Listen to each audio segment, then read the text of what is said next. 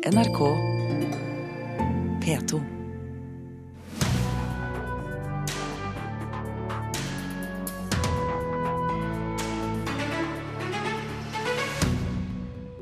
Brannen i Scandinavian Star er utgangspunktet for en ny spillefilm. I dag er det 25 år siden katastrofen i Skagerrak.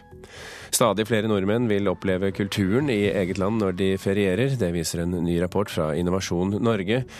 Og Oslo gir ikke opp kampen om å få varemerkeregistrert Sinnataggen. I dag blir det forhandlinger hos Klagenemnda for industrielle rettigheter. Du hører på Kulturnytt med Birger Kolsrud Aasund i studio. Brannen i passasjerfergen Scandinavian Star for 25 år siden kan bli film. Filmskaper Karin Julsrud er i gang med å planlegge en ny spillefilm om katastrofen i Skagerrak. Det er i dag 25 år siden brannen, altså, og fremdeles vet ingen helt hva som skjedde natten 7. april 1990. Her er Dagsnytt. Det er til nå funnet 75 omkomne etter brannen om bord på Scandinavian Star. 316 mennesker er reddet, og om lag 75 mennesker er fortsatt savnet. Det er 25 år siden i dag. 159 mennesker omkom. Sannsynligvis ble brannen påsatt, men ingen vet hva det var som skjedde.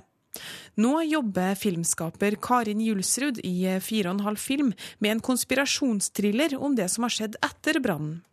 Brannen på Scandinavian var jo en eh, stor katastrofe. Eh, og etterspillet i forhold til etterforskningen og det som skjedde, eh, og måten den ble gjennomført på, det kan vel kalles Skandinavias største rettsskandale i moderne tid. Sammen med danske Nimbus Film, Nordisk Film og Uppercut Media jobber Julsrud med det hun tror er en historie godt egnet for filmlerretet. Det er interessant. En historisk hendelse som er, har gått over år. Uh, som er interessant, og som uh, har så mye dramatikk i seg at det egner seg, uh, kan egne seg som en filmfortelling. Umiddelbart så, så, tenker jeg at all oppmerksomhet rundt en sånn katastrofe kan være positivt. Forteller Grete Holen i støttegruppa for Scandinavian Star. Hun tror dette kan bidra til å belyse katastrofen på en ny måte. Og, og, jeg tenker også at uh, det er mange ting man ikke kan uh, få belyst på annen måte enn å bruke kulturelle virkemidler. Uh, så det er et godt supplement i en viktig politisk diskusjon. Og da tenker jeg at det kan gjennom en filmatisering også bidra til en sånn belysning. Julsrud ser filmen i sammenheng med andre filmatiserte historier fra virkeligheten, og håper også at de berørte kan ha glede av en slik fortelling. Um, det er laget veldig sterke filmer basert på tilsvarende eh, sammenlignbare hendelser tidligere. Bl.a. JFK, eh, Oliver Stones film om drapet på president Kennedy. Det er en konspirasjonstriller som er en meget viktig og god, drivende god film. Eh, jeg håper og tror at eh, dersom dette vi holder på med en dag blir en film, at det er en film som eh, alle som har vært involvert i dette her, på en eller annen måte vil bli glad for er blitt laget. Jeg håper det blir en viktig film. Og reporter her, det var Runa Rød. Sigurd Vik i NRK Filmpolitiet, syns du det er en god idé å lage en film om Scandinavian Star-brannen? Det kan det være. Eh, det er jo en, en viktig og, og, og, for så vidt spennende historie i, i, i, Norge, med et etterspill fullt av uh, ulike teorier og en del uh, sånn potensiell dramatikk. Så det, så det, er mye materiale her for en god historisk film. Det er det absolutt. Men vi hørte jo eksempelet JFK her, som jo fikk kritikk for å ikke være helt historisk korrekt. Hvilke andre gode eksempler har vi på vellykkede filmer basert på virkelige historier? Nei, sånn personlig så syns jeg jo All the President's Men med Robert Redford Crawford og Dustin Hoffman, som også er en sånn politisk konspirasjonsteorifilm etter Watergate-skandalen, også var en sånn vellykka film sett med ut fra er det en, en god og spennende film, og, og, og, JFK, som du nevnte der, er jo den type film, men Så har man jo andre, f.eks. norske filmer som Kautokeino-opprøret, som også høsta en del kritikk i forhold til historieframstillinga, men som var en vellykka film på, på, mange vis, og, og, og senest nå Nokas eh, i, i norsk målestokk. Og så har man jo også mer, hvis man ser på kino nå, så er jo Imitation Game, Selma, American Sniper, altså historiske filmer, er jo veldig populære, og det er jo mange av de som, som er vellykka. Og, og, vi i Norge er forholdsvis gode på, på sjangeren. Men hva må filmskapere passe seg for da, dersom det skal bli en film av Scandinavian Star-brannen? Nei, det er jo det at uh, i, i, filmens natur, eller spillefilmens natur, så ligger det jo drama og diktning. Uh, så, så, det er jo selvfølgelig en, en, bit der. Du får veldig mye ut av det ved at du kan få inn politiske og økonomiske motiv som ellers på en måte er vanskelig å fange inn i en ren sånn nyhetshendelse av det, men samtidig så utelater du jo en del, og det er jo kanskje der hva vil filmen utelate, som er det, det store spørsmålet, i, samtidig som man selvfølgelig da vil håpe for både de pårørende og, og de involvertes del at eh, den historiske korrektheten eh, blir, blir ganske god. Vi hørte jo Grete Holen i støttegruppen for Scandinavian Star her si at uh, av og til så måtte man bruke kulturelle virkemidler for å nærme seg sannheten. Er, det, er det nødvendig, strengt tatt? Ja, altså, det er tre store fordeler med en historisk film. Det ene er at den kan underholde, det er jo selvfølgelig en, en uh, bit. Og så er det den med at den kan skape engasjement og debatt ved å velge en framstilling. Uh, holde seg til den, og la den bli en, en katalysator for, for at uh, saken kommer opp i folks minne, og, og ting kommer på banen. Og så er det jo noe med at ved en historisk film så kan du si veldig mye samla som du ikke får gjort ellers, ved at du får trukket inn både stemninger, du kan trekke inn nyhetshendelser hendelser, du kan trekke inn uh, tenkte uh, samtaler. altså Det er jo mye sånn der, Men samtidig, som vi så nå senest med, med Kampen om tungtvannet, som gikk på NRK TV-serien, man skal være forsiktig. Det er veldig mange som reagerer på, på at uh, det framstilles både personer og hendelser som ikke er helt historisk korrekt, naturlig nok, og det skal man virkelig vokte seg for å, når man tar i et sånt materiale. Så hva er suksessfaktoren da for å gjøre en film om f.eks. Scandinavian Star vellykket? Som film så må det jo være å treffe den nerven som gjør at det blir en spennende og drivende god historie. En, en historie som, som, folk har lyst til å strømme til kinoen for å se. Eh, det er jo det, det, det aller viktigste sånn ut fra et rent sånn filmperspektiv. Og så er det jo det å, å klare å kanskje, skal man være så frekk å si, unngå å tråkke i salaten. Vi kan være så frekke. Sigurd Vik eh, fra NRK Filmpolitiet, takk for at du var med oss i Kulturnytt.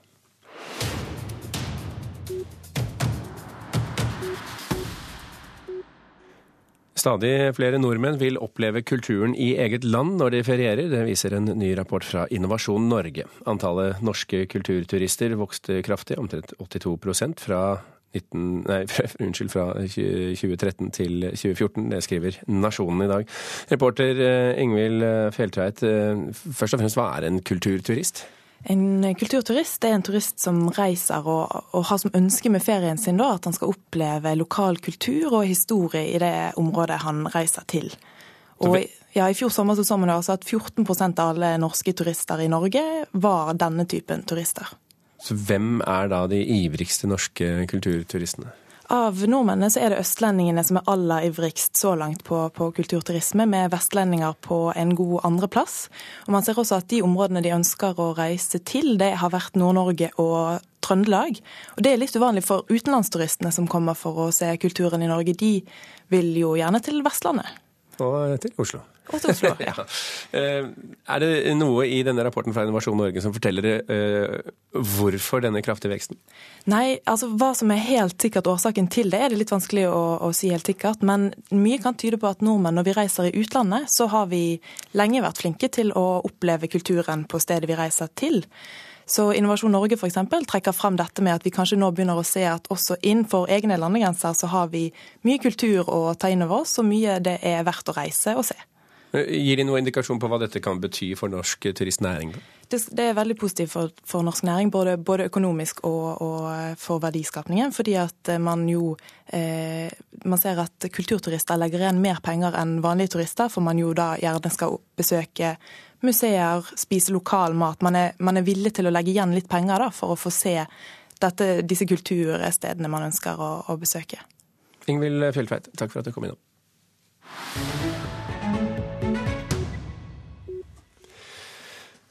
Barneparkene i byen og på landet var et særnorsk fenomen. Nå slåss Byantikvaren i Oslo mot rivingsplaner og byfortetting, og vil ha noen av parkene på verneliste. Antikvar Tove Solbakken ble lykkelig da hun oppdaget et lite krypinn på huk på Bygdøy i Oslo. For henne er det selve kronjuvelen i barneparkens historie.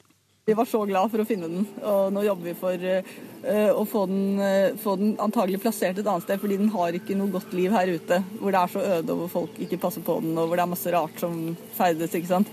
Så vi prøver å da få den flyttet antagelig til en annen barnepark eller barnehage, da, så den kan bevares. Den lille bygningen er ikke stort mer enn et skur. Men en knaggrekke forteller at her hang parkbarnas sekker, og her kunne de få tak over hodet ved plutselige regnskyll. Det var en stor forbedring. I starten så var det da kun en gressplen og en benk og en parktante.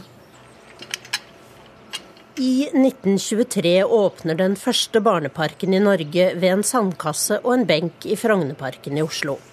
Da har kvinnene organisert parklek både i Oslo, i Stockholm og Gøteborg, i Tyskland og i Nederland.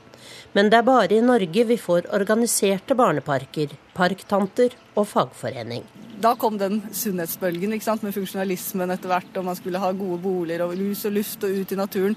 Og kvinnene tok ansvar rett og slett for barna, og tok den jobben. Vi må gjennom kjelleren for å komme inn i bakgården. så... Og der, eh, der, er det ikke noe morsomt å være fram alene. Jeg har svært liten mulighet til å ha han ute ellers. Og liksom det å kunne ha, være ute sånn flere timer om dagen, det er ikke så lett for meg bestandig heller. Jeg orker ikke gå 44 timer om dagen i hvert fall. Dette er husmødre som leverer barna til en av parktantene i et NRK-opptak fra begynnelsen av 60-tallet. Parktanten har jobbet i 13 år, hun er fagorganisert og kommunalt ansatt. Er det, er det så moro? Ja. Så er det et sunt arbeid, da. Jeg trives veldig godt med det i hvert fall. Liker du barn? Ja, selvfølgelig. Det er første betingelse. Historien om parkene er en glemt del av vår historie, mener byantikvaren. For Parktanten har gjort så mye både for barna og for kvinnesaken, så man skulle være stolt over å bli kalt parktante. Absolutt. Eh, men barneparkene er jo ikke bare en historie om eh, barn i park, det er jo også en historie om kvinner ut i arbeid. For det var jo kvinner selv som startet denne virksomheten, og som organiserte den, som startet fagforening, og som drev hele parkvirksomheten, som var veldig omfattende. Eh, og spredde seg til flere andre norske byer også. Og det ble jo da en sånn dobbelthet i det, ved at kvinner skaffet seg sine egne arbeidsplasser. Og samtidig frigjorde de jo da tid for de kvinnene som var hjemme, så de også da kunne ta seg eventuelt av jobb utenfor hjemmet. Så det var egentlig en veldig stor kvinnebevegelse som startet allerede på 1920-tallet. Dette er en veldig viktig historie på mange plan. Årene gikk, parkene forsvant, noen ble bygd om til barnehager, andre ble offer for byfortetting eller revet. Nå bør de ytterst få som er igjen, bevares og settes på Byantikvarens gule liste, sier Tove Solbakken. Det blir ikke veldig mange, men det blir representativt utvalg. Eh, og fører disse på gul liste og bevarer de for ettertiden. Og Vi håper at de fleste da kan bevares der de står. Eh, vi prøver å velge både fra øst og fra vest, og da ulik kontekst, både bypark og utkantstrøk. Ja, Det sa antikvar Tove Solbakken, og reporter her det var Tone Staude. Og lyden fra 60-tallet som du hørte her i reportasjen, den er hentet fra noen gamle NRK-opptak som eh, vi har fått tak i, og som du kan se i sin helhet hvis du går inn på nrk.no og leter frem denne saken der. Klokken er 16 minutter over åtte. Du hører på Kulturnytt, og dette er toppsakene i Nyhetsmorgen nå. Stadig flere norske kvinner reiser utenlands for å bli gravide ved hjelp av eggdonasjon. I Jemen er minst 74 barn drept snart, eh, etter snart to uker med luftangrep. Og Barack Obama må kjempe også mot sine egne for å få en atomavtale med Iran i, gang, i stand. Senatets eh, utenrikskomité krever innsyn i avtalen før den godkjennes. Oslo gir ikke opp kampen om å få varemerkeregistrere flere av Vigelands skulpturer. 70-årsgrensen for vernetid er over, og alle kan i prinsippet bruke Sinnataggen og monolitten til å tjene penger. I fjor fikk Oslo kommune avslag på flere søknader hvor de ba om å få registrert Gustav Vigelands kunst som varemerker, men i dag blir det forhandlinger hos Klagenemnda for industrielle rettigheter, og da håper kommunen på et annet svar. Kulturkommentator i NRK Agnes Moxnes, hvorfor vil Oslo kommune beholde varemerkerettighetene på Vigelands kunst? Først og fremst fordi de syns egentlig at de har forvaltet eh, den arven de fikk etter Gustav Vigeland på en utmerket eh, måte. Og de sier at de er redde for at kommersielle interesser kommer inn og, og kan være med på å liksom eh, gjøre Vigeland til en mindre viktig kunstner, fordi at du ser hans kunstverk utnyttes på en kommersiell måte. For kommunen tjener jo ikke rare greiene på, på Vigeland. De, de, koster, de bruker masse penger på å holde det ved like. Så hva kan kommunen taper på at alle står fritt frem til å bruke f.eks.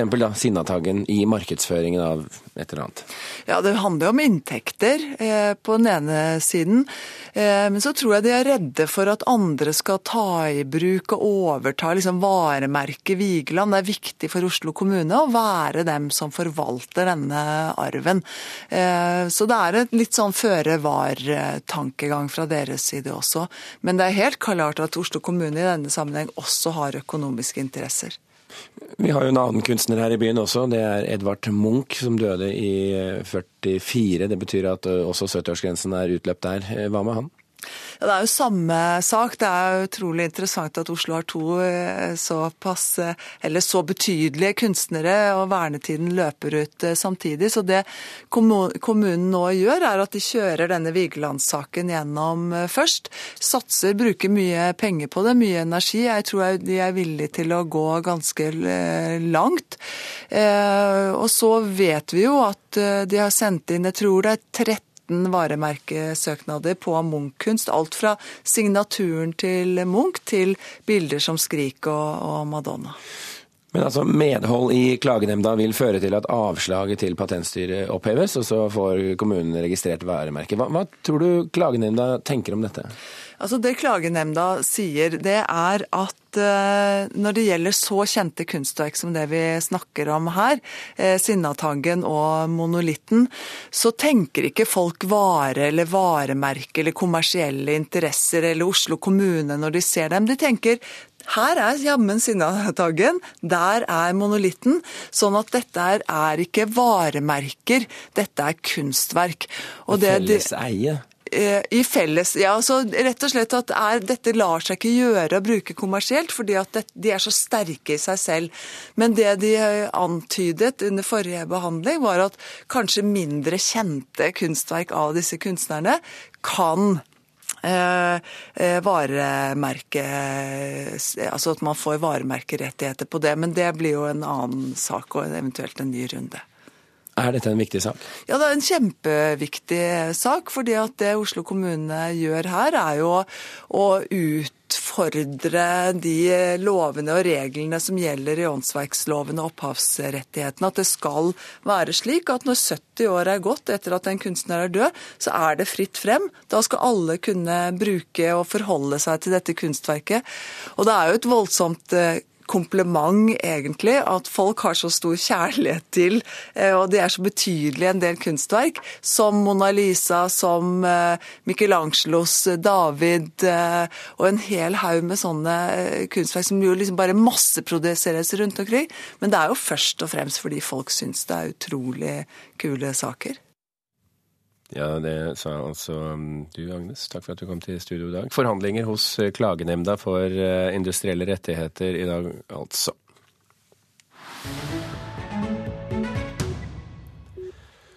Språkrådet slår alarm om fremtiden for nynorsk og bokmålsordboken. Ordbøkene er de mest brukte norske ordbøkene på nett og eies av Universitetet i Oslo og Språkrådet. Det er to leksikografer som står for redigeringen av ordbøkene. Begge nærmer seg nå pensjonsalder, og universitetet kommer ikke til å ansette flere leksikografer i fremtiden, skriver Klassekampen. Den 19 år gamle danske dikteren Yahya Hassan vil bli politiker. Han stiller som kandidat til Folketinget i Danmark for det nye Nasjonalpartiet. Det skriver Politikken.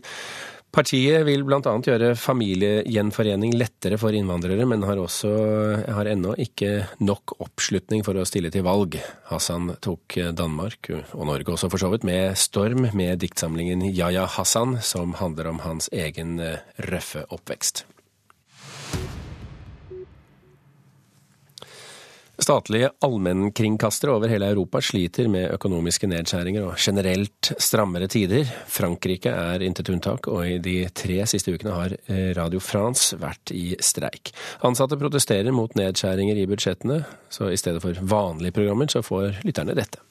Nous ne sommes pas en mesure de diffuser l'intégralité de nos programmes habituels. Nous vous prions de nous en excuser.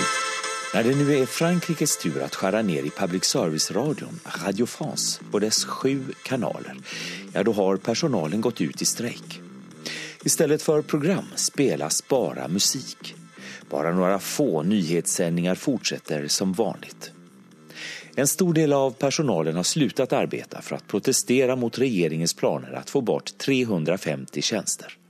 Regeringen vill även att tre radiokanalers nyhetsredaktioner slås ihop till en enda och att Riksradions symfoniorkester slopas.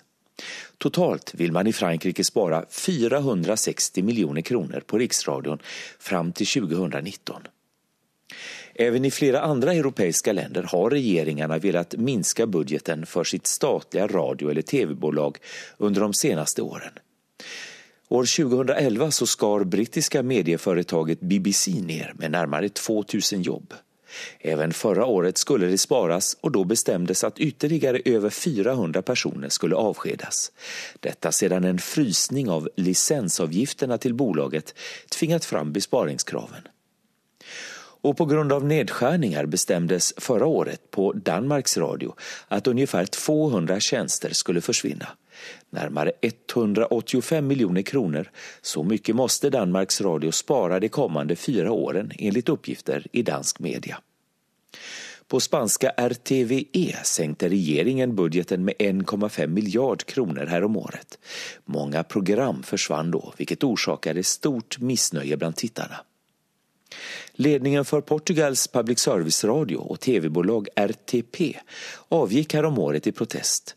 Orsaken var att landets regering planerade att privatisera bolaget helt och hållet. Men omfattande demonstrationer fick regeringen att ändra kurs. RTP har förblivit statligt. I Frankrike tyder inget på att regeringen kommer att vika sig för de strejkandes krav. Strejken startade för nästan tre veckor sedan nu. Under onsdagen skal Radio France-chefen Mathieu Gallet träffa kulturminister Fleur Pellerin för diskussioner. I fransk press påpekar man att inget kommersiellt bolag skulle kunna ta över den viktiga roll som Radio France har. Där finns till exempel ingen reklam i programmen. Dominique Postel är en av många producenter som strejkar. Hon arbetar på France Musique, en kanal som främst spelar klassisk musik. I de länder där omfattande strejker brutit ut för att rädda public service har man lyckats vinna slaget, säger hon. Jag hoppas vi går samma seger till mötes. Dominique Bostell är tacksam för att många artister och skådespelare nu uttrycker sitt stöd för Radio France och att lyssnarna skriver under protestlistorna i massor. Beaucoup d'acteurs de la vie culturelle euh, française, tous azimuts. Reporter i Frankrike, det var Johan Tolgert som vanlig. Majorstuen er et av landets travleste kryss, men også en av Norges viktigste mm, folkemusikkgrupper. Nå er de ute med albumet Kvittere. 13 mer eller mindre virkelige fugler har over eh, tid vært inspirasjon for felegruppa, siden de fremførte låtene som bestillingsverk under Førdefestivalen i 2013. Og vår anmelder Kjetil Bjørgan er begeistret over at de stadig vekk klarer å fornye seg etter tolv år på veien. Det kunne fort bli en samling klisjeer med forsøk på å illustrere musikalsk ulike fuglers egenskaper, og enkelte ganger hører jeg det også. Hakkespetten haker, og Majorstuen svarer. Men hver gang på en måte som fyller ut lydbildet. Noen ganger hører vi også opptak av fugler, ledsaget av en humoristisk, musikalsk kommentar, for hva passer vel bedre til en kjøttmeis enn en sunnmørs springar?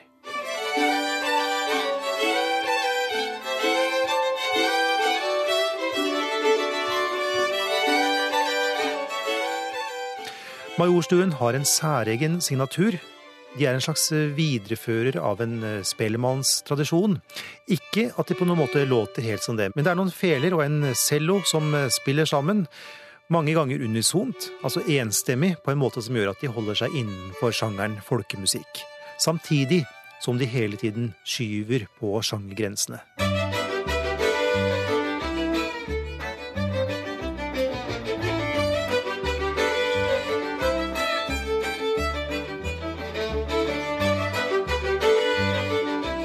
Da de kom ut med sin første CD i 2003, tenkte jeg at de hadde en helt spesiell ungdommelig energi, med masse påfunn. Nå har det altså gått tolv år, og det er fortsatt akkurat like mange kreative innfall. Noen ganger spiller de tradisjonelle slåtter, som de ikler fantasifulle arrangementer i uforutsigbare musikalske forløp, men de har også vist seg som gode låtsnekkere, og i og med at alle slipper til med egne komposisjoner, står de med åra fram med et stort og allsidig repertoar.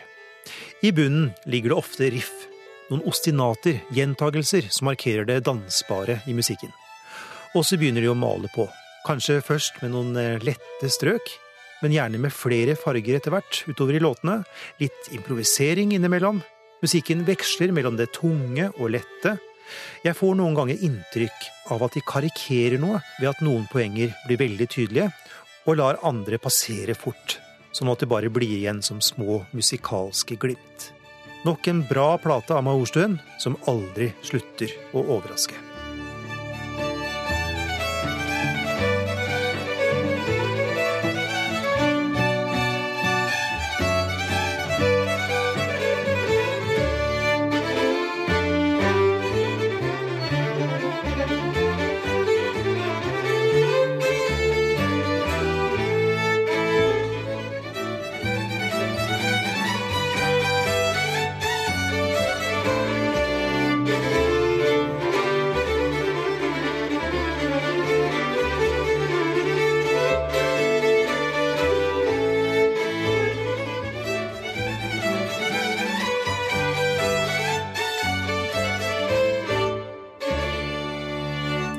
Lerkan og Falken fra CD-en Kvitre, en innertier av et album av folkemusikkgruppen Majorstuen, ifølge vår eh, anmelder Kjetil Bjørgan.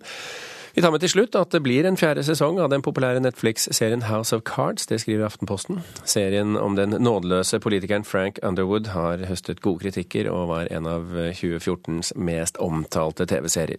Netflix sier de vil starte produksjonen av den nye sesongen til sommeren. Kulturnytt er slutt. Marianne Myrhol, Vidar Sem og Birger Kolsrud Aasund takker for følget.